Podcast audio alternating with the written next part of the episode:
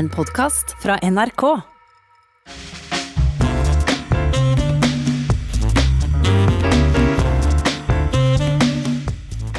Vi er på full fart eh, inn på vei inn i mai. En måned, eh, måned da det norske flagget er flittigere i bruk enn ellers i året. Men dagens norske flagg var ikke forma på Eidsvoll i 1814. Det kom først seks år seinere, og akkurat i dag for 200 år siden starta Odelstinget debatten om hvordan flagget skulle se ut. Så velkommen til deg, Marte Hummerstad. Takk, takk. Du er historiker ved Stortingsarkivet og eh, kjenner flagghistoria vår ut og inn. og når en snakker om at debatten i Odelstinget begynte på denne dagen 30. april eh, i 1821, betyr det at det var mange forslag til et nytt norsk flagg i denne debatten? Det var det absolutt. Eh, man hadde jo allerede diskutert i noen år hvordan eh, et flagg burde se ut. Men når man da kom til 1821, så endte man opp med 18 forskjellige forslag til eh, flagg som eh, stortingsmennene hadde foran seg. 18 eh, ulike forslag. Eh, nå er jo dette radio, men kan du beskrive ytterpunkter? det, det, er definitivt ytterpunkter. Det er alt fra eh, veldig enkle flagg, eh, type signalflagg som de ble omtalt som. Eh, Eh, det er eh, veldig kunstferdige flagg, eh, bl.a. med på en måte både Det er jo veldig mange som har løver, bl.a. Riksløver og stjerner og, og, fine former og farger. Og så er det jo noen med veldig fremmede, kanskje fargene som er mest fremmede, da. Grønt og svart er jo eh, veldig fjernt fra det flagget vi kjenner, og også for så vidt fra resten av forslagene som hadde kommet. Kunne vi endt opp med et eh, norsk flagg totalt dominert av ei afrikansk løve? Eh, ja, det er det ganske stor mulighet for. For det, flertallet av forslagene har jo eh, riksløven innarbeidet på et eller annet vis. Men Fredrik Meltzer, da, som er på en måte norske flaggets far, hvis vi skal bruke et sånt begrep, han angrep jo da denne bruken av denne løven og sa jo at eh, hvis det ble påmalt av en middelmådig maler eller kunstner, så kunne jo dette bli seende ut som ethvert annet fireføttet eh, dyr, og da kunne man jo bevege seg utover i den afrikanske dyreverden. Det er mye fauna å ta av? Det er definitivt mye fauna, og, og det kan nok være greit at vi holdt oss til mer rettlinjede former. Du, Jeg blir, blir, litt nysgjerrig på denne historien. For var det sånn at alle kunne sende inn forslag til Stortinget på, på flagg? Eh, det var ikke noe sånn eh, utlyst eh, konkurranse, det var det ikke. Men det ble tatt et initiativ av en kjøpmann fra Stavanger, og han lagde en, rett og slett en underskriftskampanje som han, eh, og han kontaktet da flere stortingsrepresentanter også. Eh, men de fleste forslagene ble levert av stortingsrepresentanter, enten på egne eller andres vegne. Hva for flagg var vi brukte i Norge fra 1814 til vi fikk vårt eget flagg i 1821? Det første flagget vi fikk i 1814, det, da hadde man jo litt dårlig tid, så det var jo et dansk flagg nettopp med da denne riksløven. Eh, og, så, og, det beholdt man for så vidt som et handelsflagg i, eh, i, flere år. Men eh, etter unionen med Sverige så fikk man jo også da dette unionsflagget som skulle være samlende både for Norge og Sverige. Apropos 1814, vi har også deg med, Bård Frydenlund, direktør ved Eidsvollsmuseet. Velkommen også til deg. Takk for det. Vi skriver 30. april i dag, og hvor langt var eidsvollsmennene kommet i grunnlovsarbeidet sitt da? Eh, da hadde den absolutt viktigste komiteen gjort eh, sitt arbeid, altså konstitusjonskomiteen, ledet av Christian Magnus Falsen. Eh, det som var situasjonen 30. april, at det var et ganske stort problem. Fordi de hadde jo med seg en feltpresse som man skulle kopiere opp utkastene for å distribuere det blant representantene. Men den, den falt sammen, så de måtte begynne å skrive av hverandre. Så det ble en veldig sånn artig uh, distribusjonsprosess da, hvor uh, representantene sitter med hverandres forslag og skriver av hverandre, rett og slett. Så det er det, det er det, absolutt viktigste som skjer akkurat 30. april for 207 år siden. Vi har jo um, Og det er jo da selv... Unnskyld. Kom igjen. Det, nei, det, det, er jo da først i 4. mai at de begynner å drøfte selve disse utkastene og, og tar til uh, den store uh, paragrafdiskusjonen i, i Riksforsamlingen. Um, som du har hørt, så har jeg jo snakka med Marte Hommerstad om flagget. Var det et tema på Eidsvoll i 1814? Eh, det var ikke det viktigste temaet. Det, det, ikke på en måte, det, var større prinsipper som var nedfelt som man to, brukte mer tid på. Men man var innom det, og det var på en måte også dette at man tok et, eh, et dansk flagg eh, med da riksløven i det ene hjørnet som et, et midlertidig flagg, men, men, sikkert med tanke på å, å utvikle det videre. Og så var det vel også sånn at på denne tida i 1814 så visste vel ikke eidsvollsmennene at vi skulle havne i en tvungen union med Sverige? Nei, det var stor spenning eh, blant representantene. Man eh, lurte bl.a. på hvordan det var med Napoleon. Man hadde jo hørt at det var skrevet under en traktat nærmest på Fontainebleau-slottet, hvor han skulle sendes i eksil, at han var nå endelig slått. Men hvordan skulle det påvirke situasjonen? Ville stormaktene legge ytterligere press. De hadde jo sendt Karsten Anker til London for å være en slags eh, ekstraordinær utsending på vegne av Christian Fredrik, eh, som, eh, som skulle da forsøke å forhandle fram en separatfred. Og også korrespondansen med han stoppet opp, slik at man var litt rådvill akkurat på den 30. april om hva som faktisk skjedde der ute. Man håpet på engelskmennene, men som Henrik Wergeland skrev i Norges konstitusjonshistorie i 1844, så er det ingen som holder ved sine traktater og, og, alle de konsekvenser eh, det medfører, som toryene i England. Så, så, de var traktattro, engelskmennene, og lot seg ikke rikke av Karsten Ankers opptreden i London. Tilbake til deg, Marte Holmestad. Eh, flagg var vel ikke så mye i allmenn bruk for 200 år siden? Eh, det var i hvert fall ikke på landjorda, det var vel på sjøen og på skip flagg var avgjørende viktig? Helt riktig. Det er jo Hvis man tenker på flagget når det står på, står på land, så kan det jo fort henge litt kjedelig ned. Men uh, ute på havet så vil det jo blafre og synes. Og det at det var et kjennetegn uh, for andre skip, uh, det var jo den viktigste funksjonen. Det var jo å vise om man var venn eller fiende, eller hva slags skip det f.eks. også var. Jeg skulle vel å gjøre lytterne oppmerksom på at det er ikke vi i NRK som har brakt dere to sammen, eh, Marte Hommerstad og, og Bård Frydenlund, for det er faktisk gift. Og med at, jeg tror det er det første ekteparet som eh, jeg har hatt med i løpet av de to og et halvt året jeg har sittet i dette studio. Eh, og med 1814 som fellesnevner er det fristende å spørre om hva som er tema ved frokostbordet hjemme hos dere på disse tider, Marte Hommerstad? Jeg må vel innrømme at uh, akkurat i disse dager så har det vært mye, mye flagg. Men uh, vi er innom uh, Grunnloven og 1814 hver eneste mai, det er helt sikkert.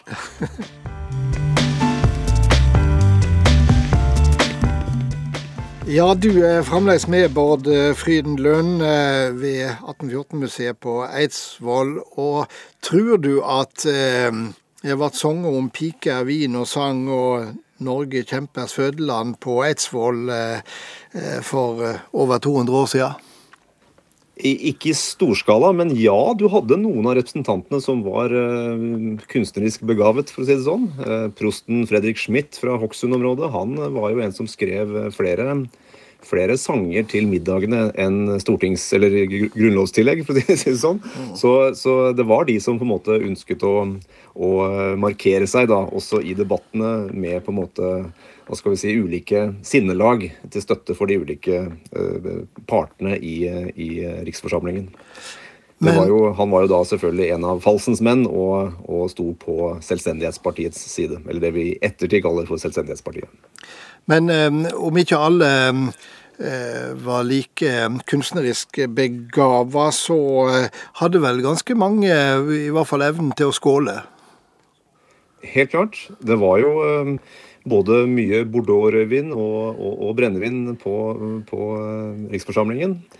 Det, de sier jo at det er 2400 liter rødvin som ble konsumert i løpet av de seks ukene. Og det vil tilsi litt mindre enn en halvflaske rødvin per mann per dag. Og det er jo ikke alle som lar seg slå av hesten av det, men når man da får vite at det er 2600 liter brennevin som faktisk eh, konsumeres, altså i overkant av en halvflaske sprit per mann per dag, er det jo noen som lurer på hva slags grunnlag Grunnloven faktisk hviler på. Men da snakker man jo ikke om den distribusjonskulturen som fantes, at det var både skyskarer og, og tjenere og, og adjutanter og mange andre som var til stede, som også skulle ha en del av denne denne daglige dosen. Jo, men hvis du trekker fra ei, ei, ei gruppe avholdsfolk, så blir det vel relativt eh, mye igjen til eidsvollsmennene? Ja, det er sant. Og det er jo flere som har bemerka det i dagbøkene sine. altså eh, Bl.a. Gustav Peter Blom, som skrev den absolutt mest hva skal vi si, satiriske dagboka fra Riksforsamlingen. Han trekker fram bl.a.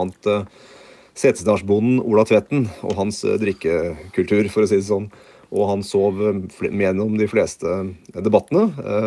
Og han var en av de som da Unionspartiet, altså Selvstendighetspartiets motstandere, karakteriserer som, som stemmekveg, altså de som stemmer med sorenskriver Falsen.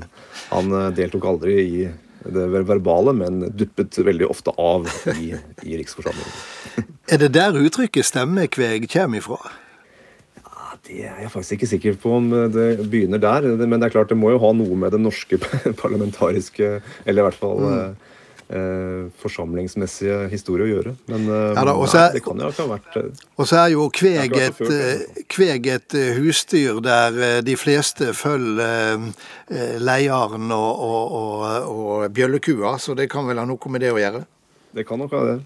Og når det gjelder ku og kalv, så var jo det også noe som var kjent, i og med at alle fikk det hver middag gjennom hele riksforsamlingen i seks uker. Så Hva sa du nå? Pastor Grøgaard, som var en av eh, unionspartiets menn, han, eh, han kommenterte jo ned at han orka ikke å spise kalvekjøtt på seks måneder etterpå, fordi han var så lei etter de seks ukene på, på riksforsamlingen på Eidsvoll. Ja, Så jeg hørte riktig, de spiste bare kalv i løpet av hele den tida de satt her?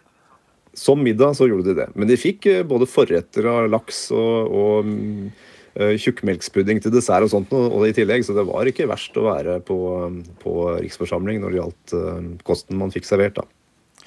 Etter dette, etter dette Marte Hommerstad, så blir det litt spett å snakke om sildesalaten i det norske flagget?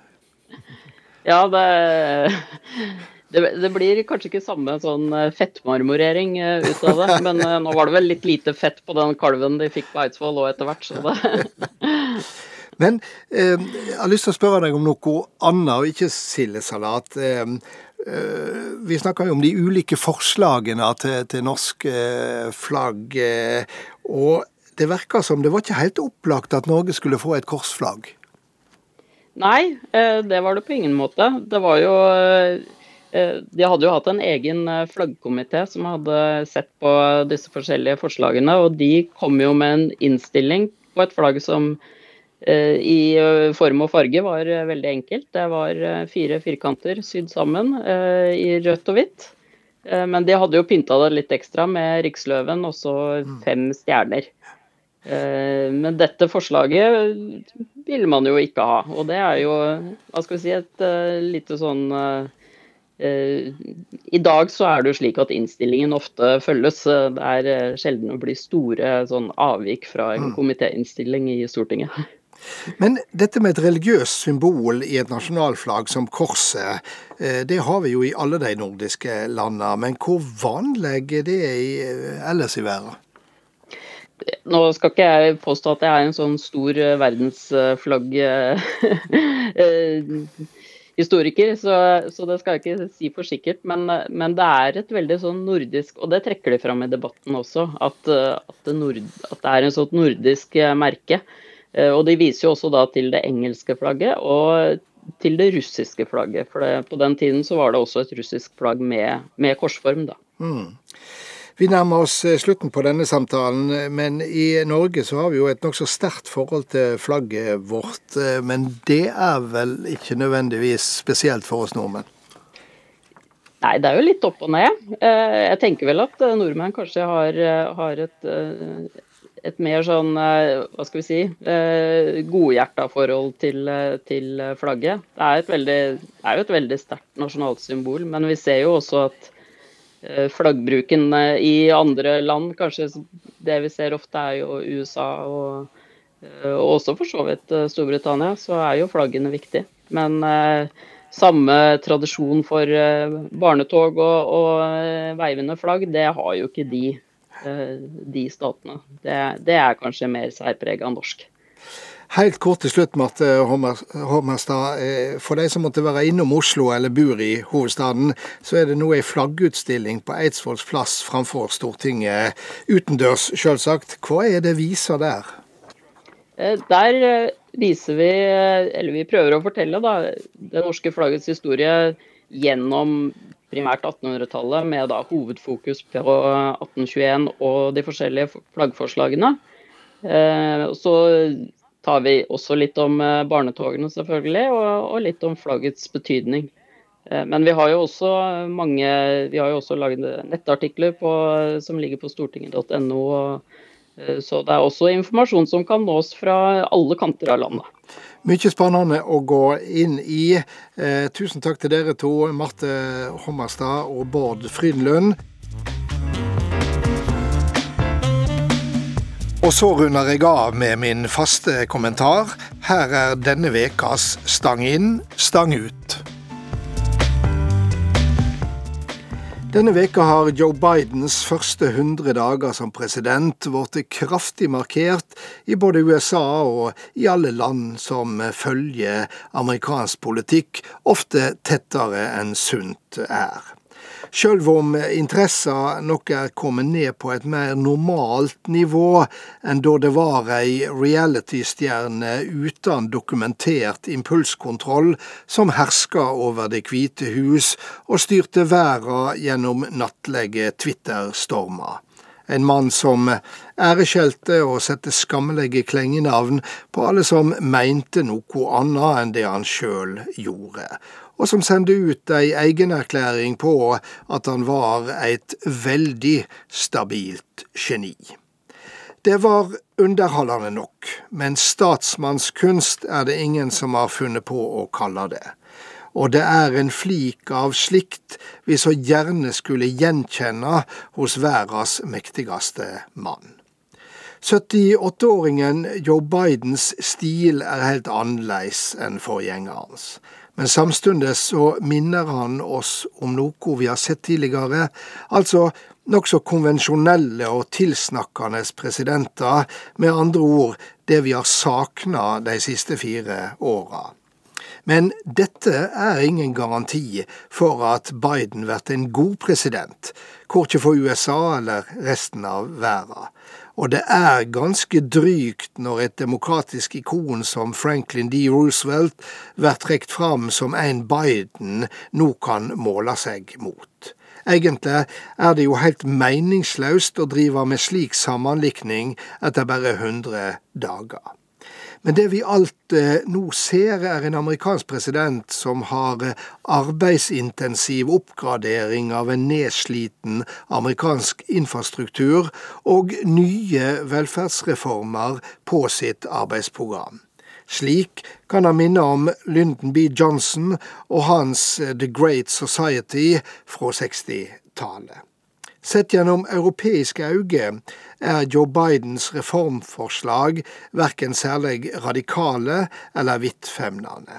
Men republikanerne anklager den ferske presidenten for å dyrke sosialistiske drømmer.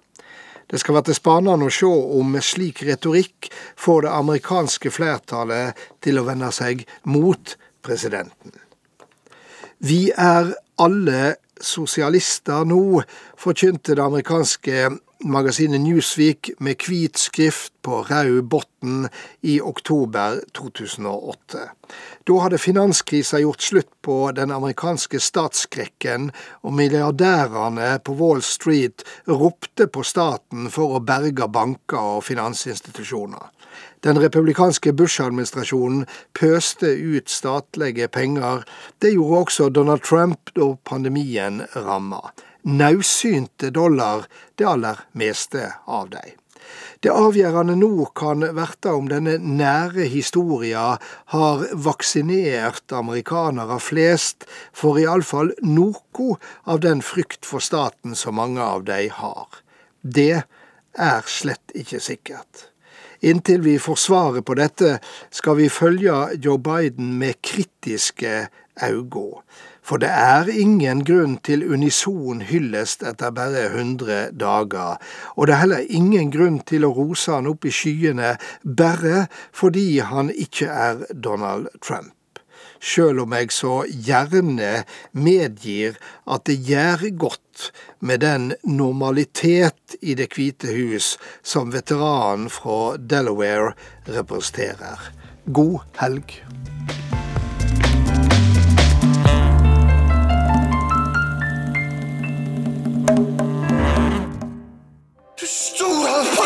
Før så samla vi oss for å høre på radio.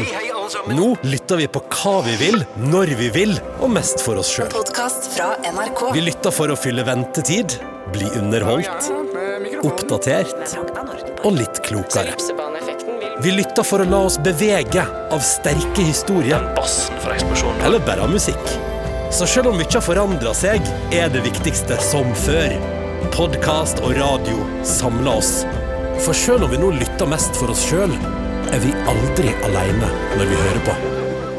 NRK Radio vi hører sammen. Hør podkaster og din NRK-kanal i appen NRK Radio.